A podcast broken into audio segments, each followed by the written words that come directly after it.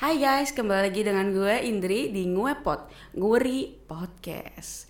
Oke, episode kali ini kita akan membahas tentang pengalaman eksorsisme yang udah terkenal uh, atau bisa dibilang kesurupan nih. Nah, ini tuh udah terkenal banget kisahnya sampai diangkat menjadi uh, film nih. Yang pertama kisah tragis dari Annelies Michel. Saat Annelies berumur 16 tahun, dia mengalami epilepsi dan gangguan jiwa Bayangin guys, anak umur 16 tahun mengalami gangguan jiwa dan harus dirawat di rumah sakit jiwa. Annelies ini seorang gadis dari Baravia, Jerman. Di usia yang ke-16 tahun, tiba-tiba Annelies ini terkena gangguan syaiton. Padahal Annelies ini berasal dari keluarga yang taat beragama. Jadi beragama Katolik ya keluarganya Annelies ini. Ketika remaja lain di, disibukkan dengan hal-hal seputar dunia mereka, Annelies justru sibuk dengan pergi ke gereja, beribadah, tidur di lantai yang kosong pada musim dingin untuk menebus dosa-dosanya, dosa-dosa para penjahat. Dan keanehan mulai terjadi ketika Annelies berusia 16 tahun. Ia mengalami epilepsi atau kejang-kejang dan berhalusinasi yang menurut diagnosa medis itu adalah epilepsi dan depresi. Tapi makin lama Hal tersebut makin parah dan berlanjut. Halusinasi hebat dan depresi yang membuat Enlis bertingkah tidak wajar. Ia mengaku mendengar bisikan-bisikan goib yang mengatakan bahwa ia, bahwa ia adalah makhluk terkutuk yang akan membusuk di neraka. Apalagi setelah Enlis secara terang-terangan menghindari benda-benda yang memiliki simbol keagamaan. Padahal Enlis dan keluarganya adalah keluarga yang taat agama ya. Hmm, saat tahu kisah ini, nah setelah keluarga Annelies ini percaya bahwa Annelies ini dirasuki oleh sosok roh, mereka mencoba untuk melakukan eksorsisme atau ritual pengusiran setan yang biasanya dilakukan oleh uh, para para uskup untuk mengusir makhluk halus nih. Ritualnya ini sangat kuno dan jadi kepercayaan di berbagai negara. Annelies yang awalnya cantik banget berubah jadi nggak karuan dan mengenaskan. Kehidupannya menjadi jungkir balik, jadi mengerikan. Selama itu pula, Annelies bertingkah semakin aneh.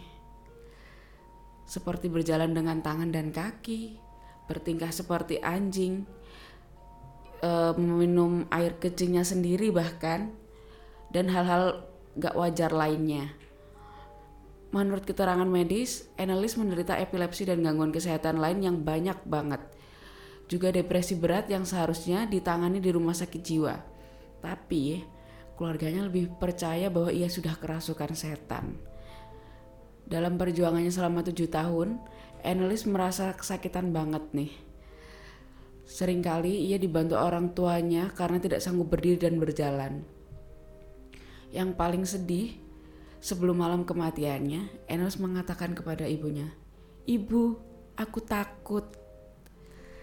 Selain itu, hasil otopsinya menunjukkan bahwa kematian Enos disebabkan karena kekurangan gizi dan berat badan yang saat meninggal itu hanya 31 kg. Miris banget gak sih gadis umur 16 tahun mengalami hal-hal seperti ini. Dan kisah Enes tersebut sangat terkenal hingga diangkat menjadi film yang berjudul The Exorcism of Emily Rose. Untuk kisah yang kedua dan kisah nyata kedua dialami oleh Rolando. Rolando adalah seorang remaja yang hidup di lingkungan Bernal, rumah bergaya kolonial di Runek Drive, rumah tersebut tampak sangat normal dari luar dengan eksterior bata dan daun di jendela putih membingkai. Sementara pohon-pohon besar dan semak-semak rapih terawat di halaman rumah. Salah satu kisah horor yang paling luar biasa mengubah legenda ur urban dalam sejarah Amerika terjadi di rumah ini. Kisah ini dimulai pada tahun 1940-an di pinggiran kota Washington DC sebuah keluarga bernama Hankler memiliki anak lelaki berusia 13 tahun yang diyakini atau bernama Rolando yang merasa sedih karena kehilangan bibinya. Bibinya ini bernama Bibi Harit seorang spiritualis yang telah mengajarinya banyak hal termasuk cara menggunakan papan Ouija. Pada awal Januari 1949, tak lama setelah kematian Bibi Harit, Roland mulai mengalami hal-hal yang aneh. Dia mendengar suara garukan datang dari lantai, kemudian di dinding kamarnya, kemudian air menetes secara misterius dari pipa dan dinding. Yang paling meresahkan adalah kasurnya tiba-tiba bergerak. Merasa terganggu, keluarga Roland meminta bantuan para ahli, spiritual terkenal. Keluarga Hankler berkonsultasi dengan dokter, psikiater, dan pen, pendeta setempat, tetapi tidak membantu. Mereka disarankan agar meminta bantuan para Jesuits. Pastor Katolik setempat meminta izin kepada atasannya untuk melakukan pengusiran setan atau eksorsisme pada anak tersebut. Namun, Hages menghentikan ritual tersebut, melepaskan sepotong pegas dari kasur tempat ia diikat dan memukuli bau sang pastor. Beberapa hari kemudian, goresan merah mulai muncul pada tubuh anak itu. Salah satu goresan membentuk kata Louis, yang menunjukkan kepada Ibu Roland bahwa keluarga tersebut harus pergi ke Saint Louis, di mana keluarga Hankler memiliki kerabat untuk menemukan cara menyelamatkan putra mereka. Para keluarga hadir di Universitas Saint Louis. Mereka memperkenalkan Hankler dengan Pastor Walter Hay. Dengan Pastor Walter H. Elleran dan Pastor William Bowdern, setelah berkonsultasi dengan pemimpin universitas, kedua Jesuit tersebut setuju untuk melakukan pengusiran setan terhadap Roland dengan bantuan beberapa asisten. Para lelaki berkumpul di rumah mereka di Renault Drive pada awal Maret 1949. Di sana, para pengusir setan menyaksikan goresan pada tubuh bocah itu dan kasur bergerak dengan keras. Hal yang sama terjadi di Maryland ketika pengusiran setan pertama gagal. Di tengah-tengah kejadian aneh, Bowden dan Halloran, menurut laporan mereka, memperlihatkan pola dalam perilaku Roland. Dia tenang dan normal dalam siang hari, tetapi pada malam hari setelah berada di tempat tidur, ia akan menunjukkan perilaku aneh dan dan suka berteriak. Roland juga akan memasuki kondisi seperti kesurupan dan mulai membuat suara serak. Para pastor juga diduga melihat benda-benda terbang misterius di hadapan anak lelaki itu dan mencatat bahwa Roland akan bereaksi dengan keras ketika ia melihat benda suci atau apa pun benda-benda yang berkaitan dengan keagamaan yang dibawa oleh para Jesuit.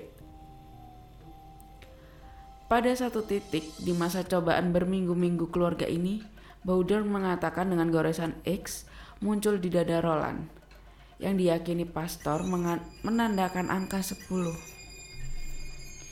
Dalam insiden lain, pola garis merah berbentuk garpu rumput bergerak di paha, di paha bocah itu menuju ke arah pergelangan kaki. Hal-hal semacam ini terjadi setiap malam selama lebih dari sebulan dan semua orang menyaksikan peristiwa tersebut percaya bahwa Roland diras dirasuki oleh 10 setan. Dalam perjuangan melawan setan, kedua pastor tersebut tidak pernah menyerah ketika mereka melanjutkan eksorsismenya malam demi malam. Dan pada tanggal 20 Maret, pengusiran setan mencapai tingkat baru yang tidak sehat. Roland buang air kecil di seluruh tempat tidurnya dan mulai berteriak serta mengutuk para pastor. Sekarang orang tua Roland sudah merasa cukup. Mereka membawa Roland ke rumah sakit Alexian Brothers di St. Louis untuk perawatan yang lebih serius. Akhirnya pada 18 April sebuah keajaiban terjadi di kamar di kamar Roland di Alexian Brothers. Itu adalah hari Senin setelah Paskah dan Roland terbangun kejang Roland berteriak kepada para pastor mengatakan bahwa setan akan selalu bersamanya. Para pastor meletakkan relik suci, salib, medali, dan rosario pada anak itu. Pada pukul 10 lebih 45 malam, para pastor yang hadir memanggil Michael untuk mengusir setan dari tubuh Roland. Mereka berteriak kepada setan mengatakan bahwa Sin Michael akan berperang untuk untuknya demi jiwa Roland. Tujuh menit kemudian, Roland keluar dari kesurupannya dan hanya berkata, dia sudah pergi. Roland menceritakan bagaimana dia memiliki penglihatan bahwa Sin Michael menaklukkan setan di medan perang dengan hebat. Setelah kejadian pengusiran tersebut, Rolando beserta keluarga pindah ke kembali ke Eskos. Sumber mengatakan bahwa Roland menemukan seorang istri dan memulai keluarga baru. Dia menamai putra per pertamanya Michael yang diambil dari nama orang suci yang diyakini telah menyelamatkan jiwanya. Dan kisah Roland tersebut diangkat dalam sebuah film yang berjudul The Exorcist. Nah, dari dua kisah tersebut, uh, mana sih menurut kalian itu yang paling mengerikan nih? Dan kalian percaya nggak sih sama kisah-kisah kayak gitu tuh? Apakah beneran nyata ada tuh yang namanya kesurupan?